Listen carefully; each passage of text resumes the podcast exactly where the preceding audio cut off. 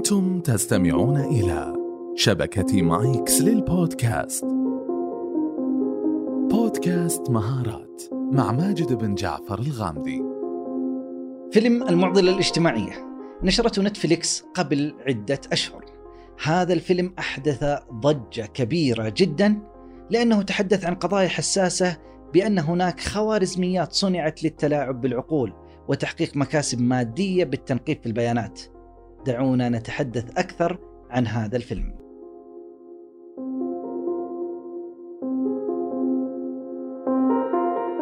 السلام عليكم ورحمة الله وأسعد الله أيامكم كل خير. اليوم حديثنا مختلف. ما زلنا نتحدث عن عالم الإعلام الرقمي ولكن هناك حديث آخر. ما هو؟ في عالم الإعلام الرقمي هناك ما يعرف بإدمان التقنية. وتحدثوا الناس عنها كثيرا بوجود النوموفوبيا آه، وأن كيف الإنسان يتعلق في الهاتف الجوال بدرجات كبيرة وأنه في اليوم الواحد قد يتصفح كما ذكرت بعض الدراسات أكثر من 257 مرة.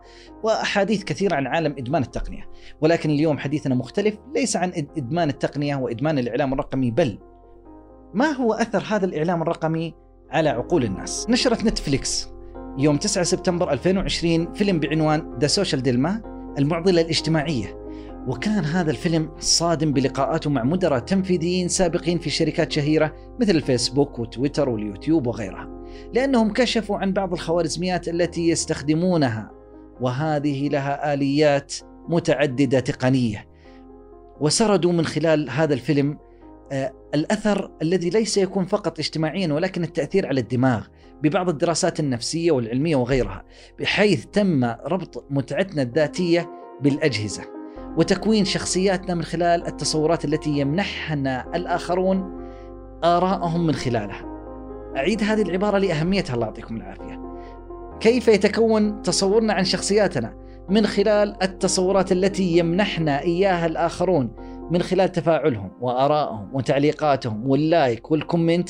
هنا في هذه اللحظات نضع تصور عن أنفسنا إذا الإنسان تصور بصورة معينة ونشرها في إنستغرام ولا في سناب شات وغيرها بناء على التعليقات التي تاتيه هو يأخذ تصوره عن نفسه ويعيش هذا الدور الذي أراده له الآخرين. ولذلك إحدى المقولات الشهيرة التي تقول: إذا لم تدفعوا حق المنتج فاعلموا بأنكم أنتم المنتج. وكأنهم يقولون إن التغيير البسيط وغير المحسوس في السلوك والإدراك هو المنتج. يعني إذا أرادوا أن يحصلوا على ناحية مالية فأن المال والمنتج لديهم هي تغيير أفكارنا وسلوكنا. وبمقدار ما نعطي منصات التواصل الاجتماعي من وقتنا ومن حياتنا حياتنا هي عبارة عن وقت كأننا نعطي هذه الشركات المال. المال بالنسبة لهم هو الوقت الذي نقضيه على شبكات التواصل الاجتماعي. يذكر الفيلم عدد من الأمثلة. على سبيل المثال يقول بأن الأخبار المزيفة تنتشر ستة أضعاف الأخبار الحقيقية. ذكر مثال آه، فيلم المعضلة الاجتماعية نظرية أن الأرض مسطحة وليست كروية. أن هذه الفكرة أرادوا في فترة من الفترات أن يروجوا لها من خلال اليوتيوب. فاستخدم اليوتيوب خوارزميات معينة أوصت المشاهدين والمتابعين بمشاهدة فيلم معين بعنوان المؤامرة وفعلا شاهدوا مئات الملايين وساهم هذا الفيديو في انتشار فكرة زائفة إذا يستطيع هذه المنصات أو تستطيع هذه المنصات التواصل الاجتماعي أن تغير الأفكار طيب ماذا عن التأثير الاقتصادي؟ حقيقة أغلب التحديثات التي يتم عملها تصب في اتجاه المحافظة. علينا كمستخدمين لفترات أطول في منصات التواصل الاجتماعي. من أجل ماذا؟ من أجل مشاهدة إعلانات والإعلانات بالنسبة لهم تساوي مال.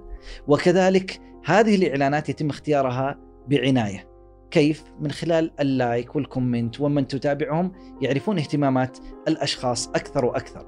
ثم هذه الإعلانات وهذا المحتوى الذي يظهر أمامنا أيضا قد يفرض ثقافة غذائية معينة آه، منتج سوقي معين. هذه الإعلانات تشكل رأي عام ولا تشكل فقط منتجات تشترى. أحد المتحدثين في الفيلم وهو كان من أوائل المستثمرين في فيسبوك كان يضرب أيضا أمثلة في قيادة الرأي العام.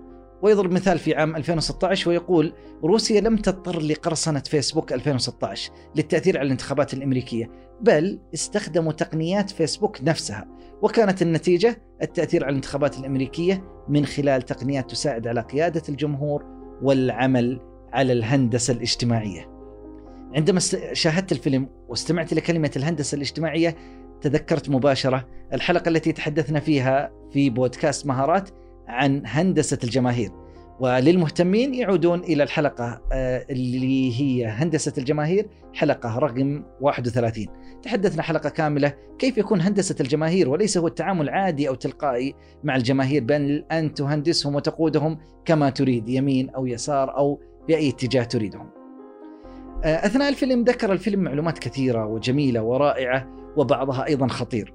فمما ذكر كان يتحدث عن أهمية البيانات ويقول أن البيانات هي أخطر سلاح يتم استخدامه الآن ويطلق عليها عرفا بأنها نفط القرن الحالي. فمن خلال بياناتك ومعلوماتك وبحثك واختياراتك يتم التعامل معك وتوجيه آرائك دون أن تشعر من خلال المنصات المفضلة لديك وحتى من خلال الأشخاص الذين تفضلهم وتحبهم وتقدرهم وتتابعهم. ولذلك تقول البروفيسورة شوشانا سبوث من جامعة هارفارد يوجد الآن سوق جديد لم يكن موجودا من قبل ألا وهو العقود الآجلة من البشر مثل العقود الآجلة من البترول وهي عقود البيانات ويكون دخلها تريليونات الدولارات.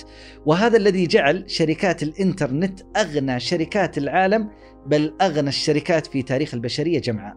انتهى كلامها. يا الله كلام كبير. كلام ترى عظيم أنه الآن بياناتنا هي عقود مالية تقدم للشركات في منصات التواصل الاجتماعي. وهذه كما يقول آرثر سي كلارك يقول أي تقنية متقدمة بما فيه الكفاية لا يمكن تمييزها عن السحر. الآن نتعامل معها وكأنها السحر سحر في جاذبيتها في الوقت الذي نعطيها إياه. ولذلك كان يقوم رئيس شركة بنترست الشركة المعروفة في الصور الاحترافية وغيرها كانوا يقوم ببعض الخوارزميات التي تجعل المستخدمين يقضون وقت أطول على موقعهم وعلى منصتهم. فحصل له قصة طريفة يقول عدت إلى منزلي ولم أستطع ترك هاتفي رغم أن لدي في المنزل ابنين يحتاجون إلى اهتمامي إلى حبي إلى وقتي ولكني كنت فعلا متعلق بالهاتف الجوال وأريد أن أقضي وقت أطول على بنترست حتى أنني ذهبت إلى الاستورج إلى المستودع وجلست حتى أكتب رسالة إلكترونية وأعلق وأتفاعل من خلال الهاتف الجوال. وكان كما يقول يعني أتصفح بنترست يقول في لحظة من اللحظات رفعت رأسي وقلت يعني يا رباه ما الذي يحدث؟ يا لسخرية القدر أعمل شيء حتى أوقع الناس فيه. ثم وقعت أنا فريسة له. هذا مخيف جدا. فعلا لك أن تصور يريد الناس فعلا أن يقعوا من خلال خوارزميات معينة ويقضوا فترة أطول في منصات التواصل الاجتماعي؟ وإذا به يتفاجأ يكون هو ممن وقع في هذا الفخ أيضا. آه، وهناك أيضا مقولة طريفة تقول لا يوجد سوى صناعتين التي تطلق على عملائها اسم مستخدم المخدرات وبرامج التقنية الحديثة. يتحدث كثير من المدراء آه، التنفيذيين السابقين في هذه الشركات الكبرى في فيسبوك وتويتر وجوجل وإنستغرام ويوتيوب عن سعي شركاتهم أن تكون أكبر وأهم من الدول والحكومات. ماذا يعني هذا؟ الله أعلم، أجعلها لتفكيركم الواسع.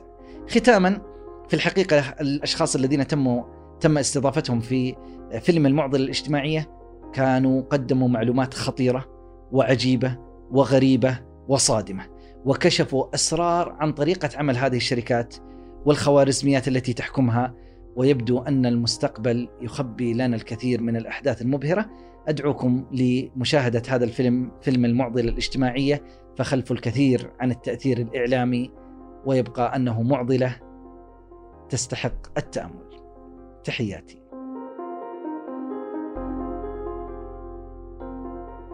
شكرا لكم للاستماع لحلقات الموسم الثالث من مهارات. لو عجبكم البودكاست لا تنسون تقيمونا على المنصة اللي تسمعونا منها. وأيضا تقدرون تتركوا لنا تعليقاتكم وردودكم في أبل بودكاست. وأخيرا يسعدنا مشاركتك للحلقة للناس اللي حولك اللي تعتقد أنهم بيكونون مهتمين بمحتواها. نلقاكم في الحلقة الجاية بإذن الله.